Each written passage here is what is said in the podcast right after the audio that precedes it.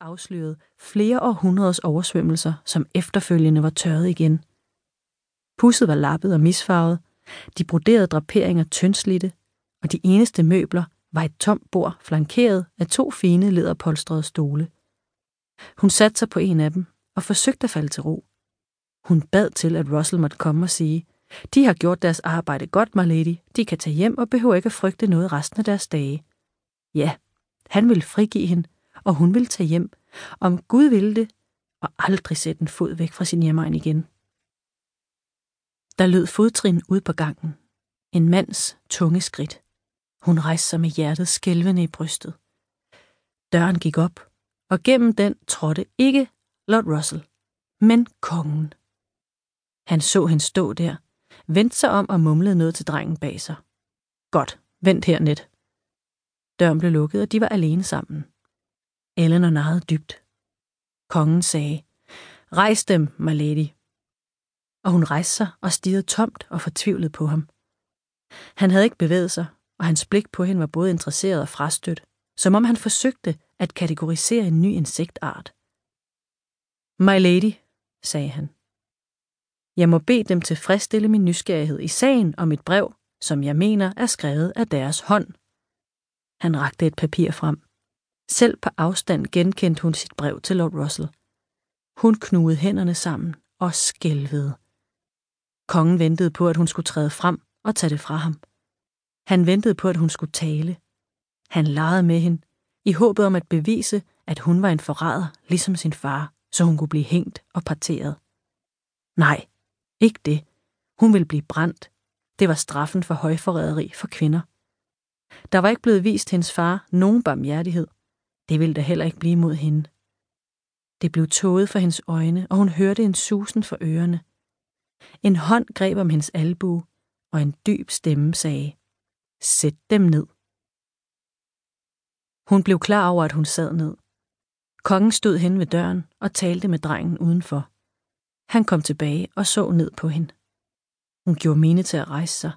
Hun måtte ikke sidde, mens kongen stod op, men han vinkede hende tilbage og satte sig i den anden stol. Jeg har sendt bud efter noget mad og drikke. De kan styrke dem på det, sagde han.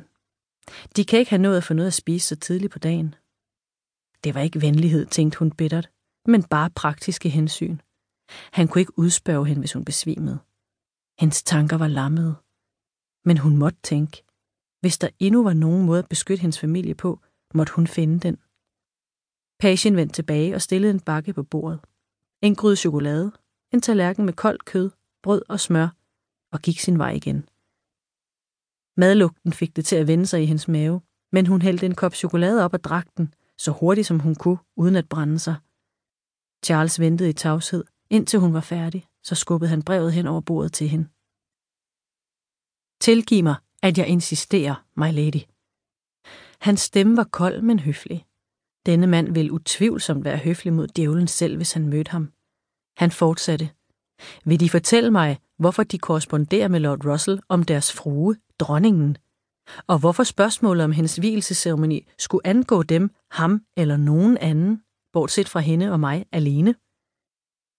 Chokoladen havde klaret hendes tanker.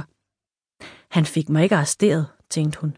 Han udspørger mig alene, fordi det er sandt, og han vil ikke have, at andre skal vide det. Det gav hende en smule grund til håb. Men kun hvis hendes svar behagede ham. Hvordan kunne hun forklare brevet på nogen måde, der kunne undskylde hende? Eleanor slikkede sin tørre læber, der smagte af chokolade. Hvis jeg har krænket deres majestæt, er jeg ulykkelig over det og beklager. Han så bare på hende og ventede. Hun forestillede sig sin familie ludfattig, fordrevet fra deres forfædres jord, hendes bror i Tower eller i bedste fald på flugt til udlandet for at dø som lejesoldat i et fremmed land. Hun havde været en tåbe. Der ville ikke være nogen udvej for hende. Hvis hun ikke sagde noget, havde hun allerede dømt sig selv. Hvis hun talte og forrådt Russell, ville han give kongen hendes brors ubesindige brev, og katastrofen ville følge. Hun pressede hånden for munden for at undgå at jamre højlydt. My lady, jeg beder dem, vær ikke så ulykkelig, sagde Charles blidt. Jeg forsikrer dem, at hvis de er åben og ærlige over for mig, vil jeg behandle dem barmhjertigt. Frygt og raseri gav hende stemmen igen. Barmhjertigt, som de gjorde.